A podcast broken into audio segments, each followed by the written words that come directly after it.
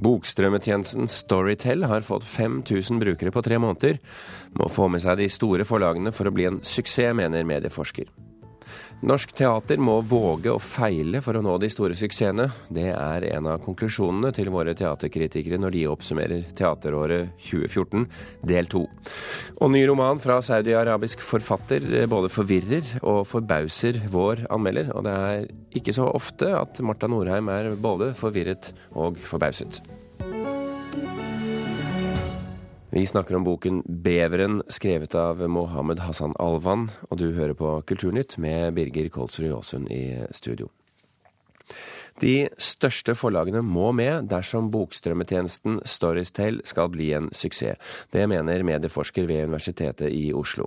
5000 nordmenn abonnerer allerede på landets eh, første strømmetjeneste for lydbøker, etter tre måneders drift. Neste år har eieren Cappelen Dam ambisjoner om å flerdoble antallet brukere. Da trykker man på og passer på at lyden på mobilen er på, og så trykker man trykker på 'lytt til boken'.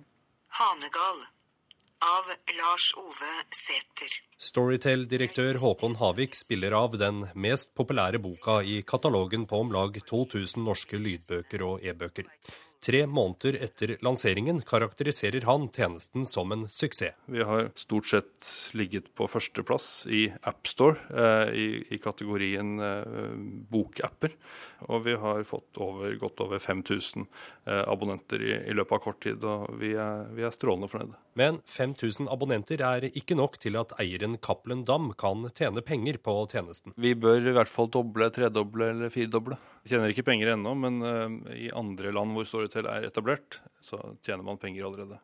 Nå ser jeg Det er ikke noe tastatur her, men du har en slags penn som du bruker? Jeg har en penn ja, som jeg skriver med, og jeg har noen knapper på sidene som jeg beveger meg opp og ned i, f.eks. en bok. Sånn hørtes det ut da Aschehoug og Microsoft lanserte landets første e-bokleser for over 14 år siden. Siden den gang har bokbransjen prøvd ut en rekke forskjellige tekniske løsninger for å selge e-bøker, uten nevneverdig kommersiell suksess. Og foreløpig er det for tidlig å si om Storytel blir bøkenes Spotify. Sammenlignet med Spotify så er det selvfølgelig en et myggetall. 5000 er ingenting. Det sier Terje Kolbjørnsen, som nylig har skrevet en doktorgradsavhandling om de digitale satsingene i bokbransjen. Sammenligner du med musikktjenesten Wimp, så er det et lite tall. Sammenligner du med Netflix, er det et lite tall. Men det er en tjeneste som bare har eh, eksistert i noen få måneder, i hvert fall i sin nåværende form. Eh, og da er kanskje ikke 5000 så helgærent. Det er 5000 som er inne i en abonnementsordning som jeg er helt sikker på at Storytel og Cappelen Dam vil ha nytte av å tjene penger på i, over tid. da. Storselgere som Jo Nesbø og Jørn Lier Horst er ikke å finne i Storytels katalog, fordi Aschehoug og Gyldendal har sagt foreløpig nei til å være med i strømmetjenesten.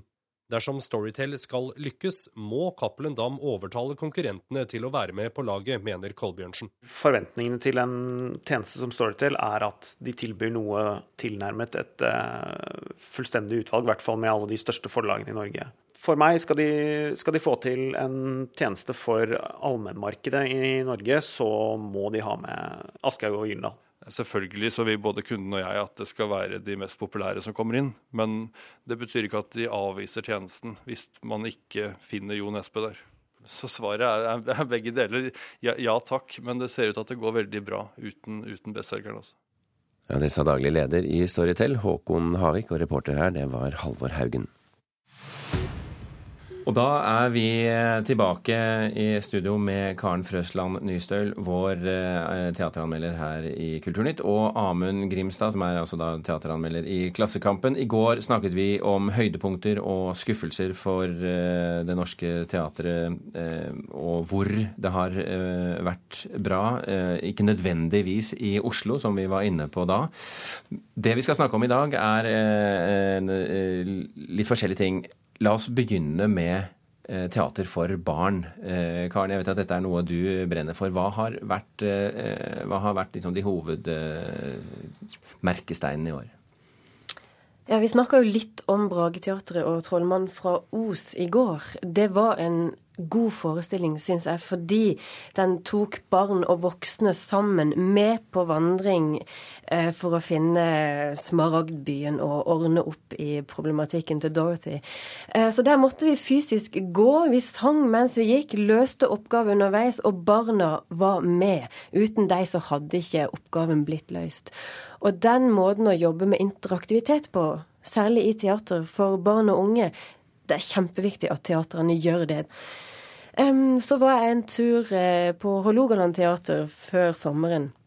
Og der så jeg Den uendelige historie av Mikael Ende satt opp som teater. Det syns jeg var en utrolig flott opplevelse. Der hadde de Lille Hålogaland teater med, altså barna som har egen teatergruppe der oppe.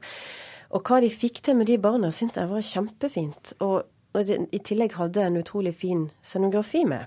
Noe du har bitt deg merke i, Grimstad? Ja, 100 hemmeligheter på, på Trøndelag Teater som eh, etterpå turnerte med Riksteatret. Eh, som er Cirka-teater. I forbindelse med at de var, hadde 30-årsjubileum, så ble de invitert inn. Å invitere Gilles Berger, som er et unikum på scenografi inn på Trøndelag Teater, er jo som å invitere en unge inn i godtebutikken. Altså, og, så scenografien var som vanlig fantastisk, men det var en god historie. Og de tok eh, en aldersgruppe også, som, som ikke får så mye barneteater. Altså, det er, barneteater er stort sett for de aller yngste, men den derre mellomgruppen. Som, som, de tok veldig på alvor, med en historie som ikke var noe spesielt sånn nødvendigvis happy ending eller noe som helst, men det er mer sånn som hverdagen er. Og så var det helt fantastisk når det gjaldt eh, de har tatt nærmest det greske koret inn på, på scenen, og, som deltok og, og, og, lagde lyd, altså akkompagnerte dette her i sanntid med sånne duppeditter som de hadde på, på armen. Så det var, det var, virkelig innovativt. altså Det er jo forskningsmiljøet i Trondheim som har vært med på. Og så eh, er det jo eh, Dr. Proktor har jo gått sin seiersgang, og Riksteatrets forestilling, den var veldig god. Mm. Ja, den var kjempegod. Ja. Det er jo kjernen i dette Dr. Proktor teateruniverset. Det er jo den jobben Morten Joakim og Anne Skomsvold eh, og Ivar Nergård ja. gjorde sammen. Ja. Det, og det bringer oss jo på sett og vis inn i neste spørsmål, eh, nemlig hva vil dere si fordi vi nå snakker om en slags sånn utvikling av formatet her. Hva vil dere si er norsk teaters største utfordring eh, nettopp for å treffe publikum, og kanskje treffe nytt publikum? Ja um, Jeg tror at den største utfordringa for teateren er at de må våge å feile. Våge å, å, å, å lage en flopp og to. Vi snakka litt om det i går, at uten uten at det går skikkelig gale, så kommer man heller ikke videre. Altså Utvikling krever at man prøve og feile, og at man våger å feile. Og at det er rom for å feile i norsk teater. Vi trenger jo òg nye, nye publikumsgrupper i teatret. Eh, hvis vi ser på hva Musikklaboratoriet på Torshovteatret, som er en eh, gruppe innen Nationaltheatret, har gjort, så, så, så satte de opp eh, en Ole Ivars-musikal tidligere i år. Den ble kjempepopulær, og Hedda-nominert og alt. Den klarte å trekke nye publikumsgrupper til teatret, og nå skal denne Ole Ivers-musikalen spilles på hovedscenen, vel? I hvert fall på Nationaltheatret neste år. Der får man til noe. Man må bare våge å tenke langt utafor boksen. Og du var jo innom i går, eh, Amund Grimstad, at eh, du satte stor pris på en Hamlet-forestilling som var spilt sånn som Hamlet skrev den. Eh, eh, men det betyr vel kanskje ikke at du er eh, uenig med Karen her? likevel? Nei, overhodet ikke. Altså, her, her, er begge deler. Så du må gjerne gjøre innovative ting og, og forsøke på nytt. Jeg er jo spent på neste år da, med revisoren av Gogol, som var, da den ble satt opp på Trøndelag Teater for sin tid, så var det en skikkelig flopp. Mm. Så det var den verste floppen jeg har sett noen gang. Men men hva, hva, tror du skal til i norsk teater for å trekke nytt publikum, trekke flere publikum? Nei, Det er jo det som Karen sa nå, er jeg veldig enig i alt sammen. Eh, og, og, det gjøres ting både på Rogaland Teater, men det er jo Rogaland Teater som starter med det, også med disse her barneteater med Lille HT og Rogalands mm. barneavdeling. Som, eh, og Trøndelag Teater har også noe som heter Dunge dramatikere, hvor eh, 13-19-åringer får lov til å, å, komme inn og, og, lage dramatikk, og de er jo så eksistensielle. ja, det er de, dystopiske saker de lager. Det er de store spørsmål? Ja, det er de store spørsmål. Det er det de er opptatt av. Men det, blir, det er veldig spennende, og du trekker nye grupper til teatret. På samme måte som du kan da trekke Ole Ivars-fan, altså på andre siden. Mm. Vi er eh, kommet til siste spørsmål, og du lagde for så vidt en fin overgang der, eh, Grimstad. Hva gleder dere dere mest til eh, neste år? Karen, kanskje først. Jeg er spent på et prosjekt som de har oppe på Nord-Trøndelag Teater, er faktisk. Der de skal sette opp eh, Ingrid Storholmen sin, eh, sin bok 'Tsjernobyl-fortellinger' som teater. Teatersjefen der oppe han er vel avtroppende nå, men han har prøvd å, å, å sette opp nye eller litterære verk eh, som teater som ingen har prøvd før. Jakob og Neikop har han satt opp som barneteater, og nå, nå kommer Tsjernobyl-fortellingen. Jeg er spent på hva de får til på dette lille teatret. Um, så den, den, har jeg lyst til å, til å reise opp og se. Eh, så skal jo Lars Noréns 'Natten er dagens mor' spilles på Nasjonal, eh, som har en kjønnsrolleproblematikk som tema, blant annet. Eh, og, og Jon Fosses 'Morgen og kveld', den fine romanen, den skal òg settes opp på Nationaltheatret. Nå merker jeg at jeg snakker om mange adaptasjoner. Egentlig så ønsker jeg jo med ny norsk ja, dramatikk. Ja. Men jeg er også spent på hva de kan klare å få til av disse sterke litterære verkene. Mm. Ja, Hvis vi tar, tar ballen med nynorsk dramatikk, da, så, så, er det altså en upremiere, eller tre upremierer på Rogaland Teater. Og en av dem er Tore Renberg. Så det kan bli spennende. Og så er det Agnes Ravatns 'Fugletribunalet' har de omarbeidet og skal sette opp på, på Norske Teater. Det er jeg veldig spent på hva det kan bli, for det var en fantastisk god bok. Det jeg gleder meg til, og som jeg er spent på, for at titler og regissører behøver ikke bety at det blir spennende, men, eh, men på Hålogaland teater så skal de sette opp Edward Olbys 'Hvem er redd for Virginia Woolf'. Det er jo teaterikon. Men Ragnar Olsen har oversatt den på nytt. Og med hans uh, evne til å, å, å, få til dette på nordnorsk og, og treffe folk, så er jeg veldig spent på hva det kan bli.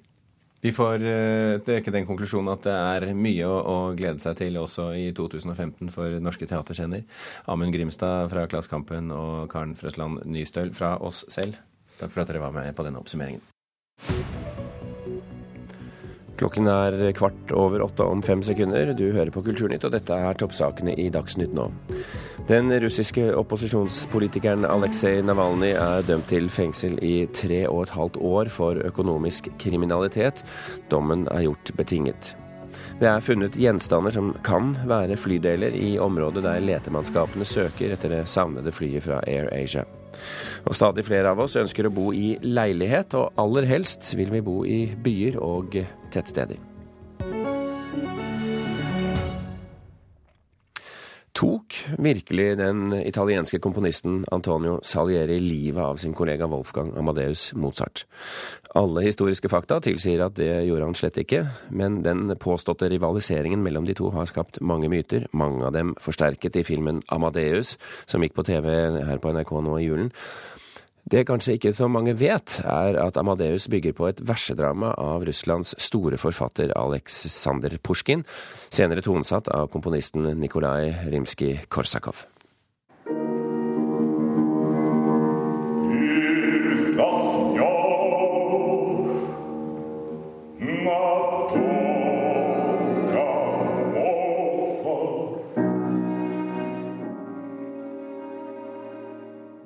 Du kommer til å sove lenge, Mozart, synger Salieri i slutten av Nikolai Rimskij-Kosakovs lille opera 'Mozart og Salieri'.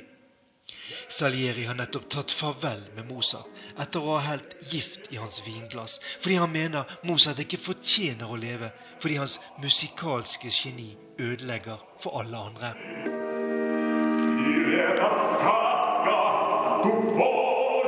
Yes, med den kjente russiske bassangeren Pjotr Globoki i spissen avsluttet på denne måten den lille gruppen av sangere, skuespillere og musikere sin forestilling i Beljajevo-galleriet i utkanten av Moskva nå før jul.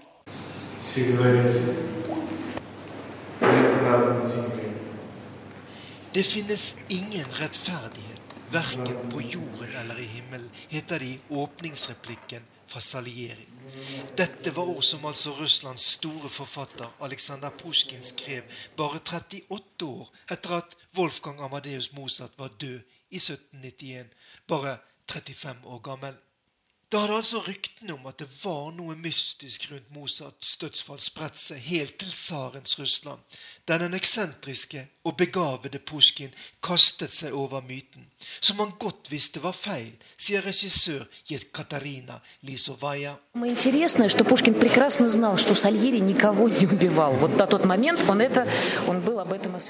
Alexander Pusjkin visste den gangen utmerket godt at Anatonio Salieri ikke hadde drept Mozart, sier Jekaterina Lisovaja. Hun mener at dette i bunn og grunn handler om Pusjkin selv, om indre konflikter som han selv slet med, om det å være et geni, ikke være fullt så genial, om stolthet og hovmod, mener hun. It doesn't really work, does it? Did you try?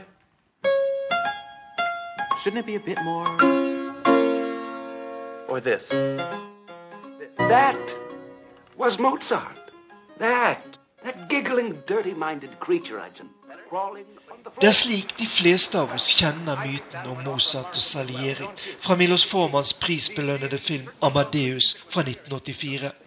Der den aldrende Salieri på dødsleiet minnes hvordan han ble ydmyket av den superbegavede, men også uforskammede og uoppdragne komponisten fra Salzburg.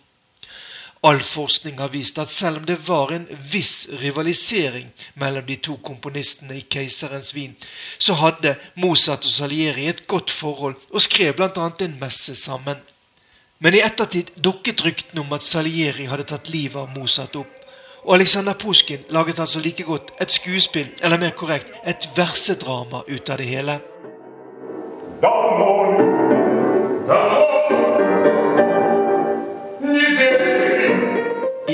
1898 laget så den russiske komponisten Nikolaj Rimskij-Kosakov en liten opera ut av Mozart og Salieri. Der, som i filmen 'Amadeus', myten om Mozarts siste verk, 'Dødsmessen' eller 'Rekviem', spiller en sentral rolle.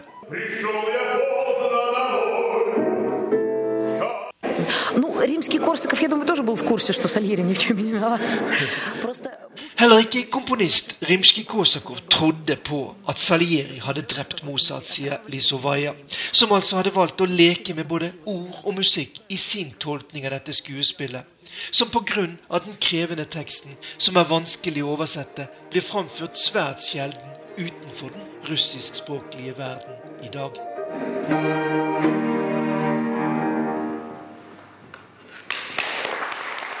Og det var vår korrespondent i Russland, Morten Jentoft, som hadde laget dette innslaget. Og om du nå er inspirert til å se filmen 'Amadeus', så kan jeg fortelle at den ligger på NRKs nettspiller eh, både i dag og i morgen, og kan ses gratis der.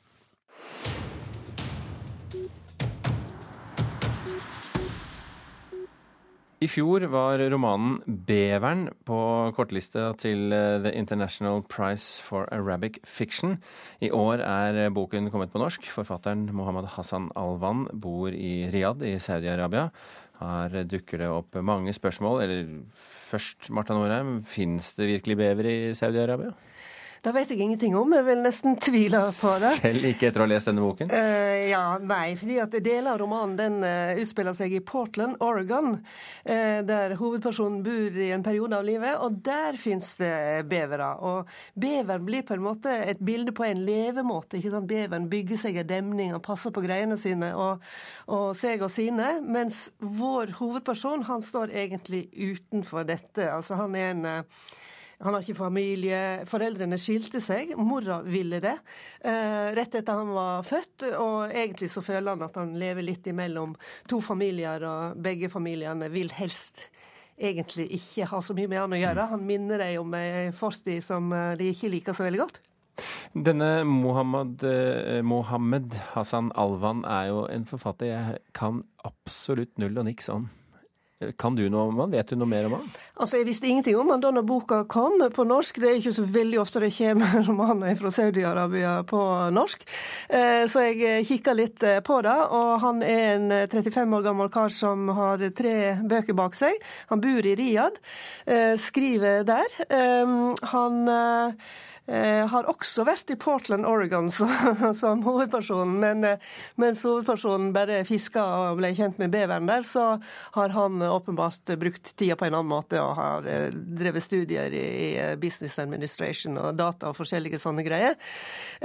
Og han kommer fra en konservativ familie. Jeg oss i et intervju der han skriver at forfatteryrket var 'somehow inconsistent with my family tradition'. Ja. Og Det betyr vel at det er ikke full jubel i heimen når, når en uh, ung mann gir seg til å skrive romaner, og til og med med en viss suksess. Hm. Er det en sammenheng mellom livet hans, eh, slik han levde det, og innholdet i boken? Det jeg tenker er at eh, han tematiserer noen problem, men, men, det som er litt overraskende, er at det er nesten litt sånn problem som en finner i Norge i dag. ikke sant? Rotløs ung mann, skilsmissebarn, eh, har for så vidt materielt eh, trygt nok, men eh, mangler prosjekt i livet og vet ikke akkurat hvordan det skal gå. Altså, Dette er jo den typiske vestlige romanen, ikke sant? Mm. Mens eh, her har du en sånn roman fra Saudi-Arabia. Det er egentlig veldig forvirrende. Eh, det, samfunnet er mer som en sånn bakteppe som han tar for gitt. Altså, sjåførene er syrer, selvsagt er sjåførene syrer. Alle sjåfører er fra en annen plass eh, i, i regionen enn fra Saudi-Arabia, tror jeg. Eh, men, men, alle sånne ting eh, er liksom del av det som er så selvsagt at du ikke liksom lager noe nummer av det. Sånn som jeg tror Hvis jeg skulle dratt til Saudi-Arabia og betrakta samfunnet der og skrevet en roman, så ville den sett ekstremt annerledes ut enn en denne romanen. Som kan, kanskje kan være kontroversiell nok i hans eh, tradisjonelle familie. Da. Men er det noe tema utover det? Altså Dette er jo rammen, liksom. Er det noe tema i boken som han forsøker å løse? Jeg har lurt litt på det. og jeg tenker Det er kanskje noen ting der jeg ikke ser. fordi at jeg vet ikke hvor, uh, hvor kontroversielt dette virker uh, internt. Uh, på meg virker det som om det er både en kritikk mot den veldige fridomsretorikken i Vesten og den veldige tradisjonalismen i hans eget miljø. men, men kanskje kanskje det først og fremst handler om at neimen nei, men er ikke det vanskelig Nei, men er ikke det enkelt å være menneske i en eh, global eh, verden? Og slettes ikke når kjærligheten skaper problem. Og det har ikke vi snakket om til nå, men det er også en kjærlighetshistorie. Mm. Er dette en bok du vil anbefale folk å lese? Ja, hvis, hvis, de har lest mange saudiarabiske romaner før, så kan de jo vurdere om de skal lese en til. Men hvis de ikke har lest saudiarabiske romaner før, så er dette en plass å begynne. Det er altså 'Beveren', skrevet av Mohammed Hassan Alwan fra Saudi-Arabia. Marta Norheim, takk for at du kom til Kulturnytt.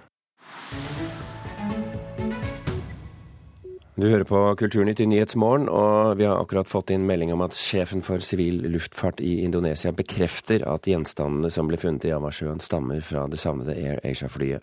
Mine kolleger på desken jobber nå for å finne ut mer og gi deg siste oppdatering eh, når nyhetene er tilbake klokken halv ni.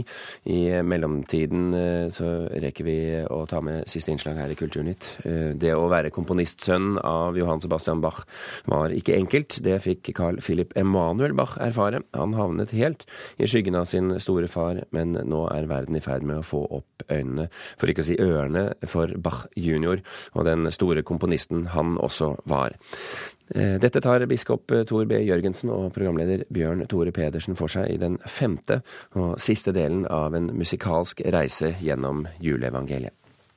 I år er det 300 år siden Carl Philip Emanuel Bach ble født.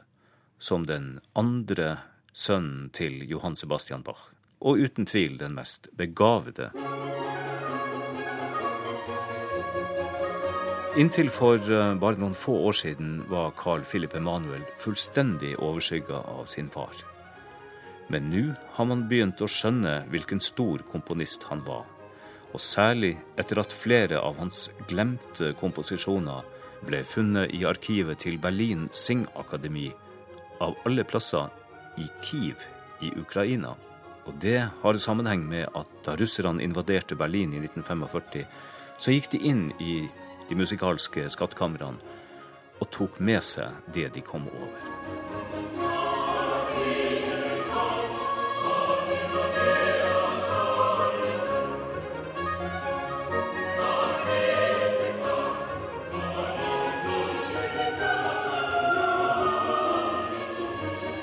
Vi hører åpningskoret fra hans Magnificat, som han komponerte i 1749. Dette er en kjent tekst som til stadighet bes i kirken, og mange komponister har satt melodi til denne vakre hymnen, både far og sønn Bach, altså. Dette er Marias store lovsang, da hun vet at hun skal bli mor til Guds egen sønn, det store julemysteriet.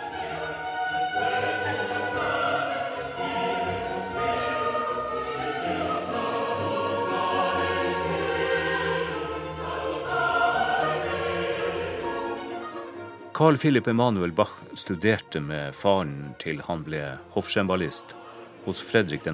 av Prøysen. Da han komponerte sitt store korverk Magnificat, brukte han farens Magnificat som modell.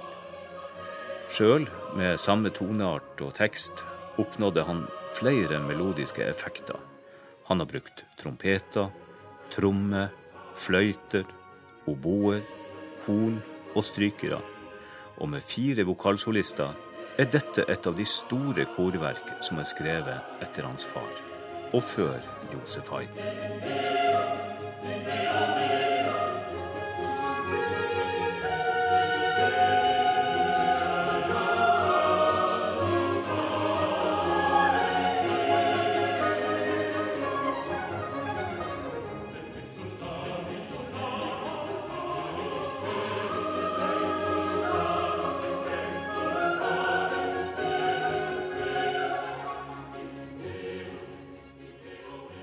Åpningen på Magnifikat av Carl Philip Emanuel Bach var det vi hørte her, med Basler-madrigalisten og Larpa Festante under ledelse av Fritz Neff. Og dermed så takker biskop Tor B. Jørgensen og reporter Bjørn Tore Pedersen for følget etter sin musikalske reise gjennom juleevangeliet som vi har holdt på med nå her i julen. Kulturnytt er slutt. I dag har vi bl.a. fortalt at bokstrømmetjenesten Storytel har fått 5000 eh, brukere på de tre månedene som har vært, men at medieforsker Terje Kolbjørnsen ved Universitetet i Oslo sa at Cappelen Dam, som driver Storytel, nok må få med seg både Aschehoug og Gyldendal på laget for å gjøre bokstrømmetjenesten til en suksess.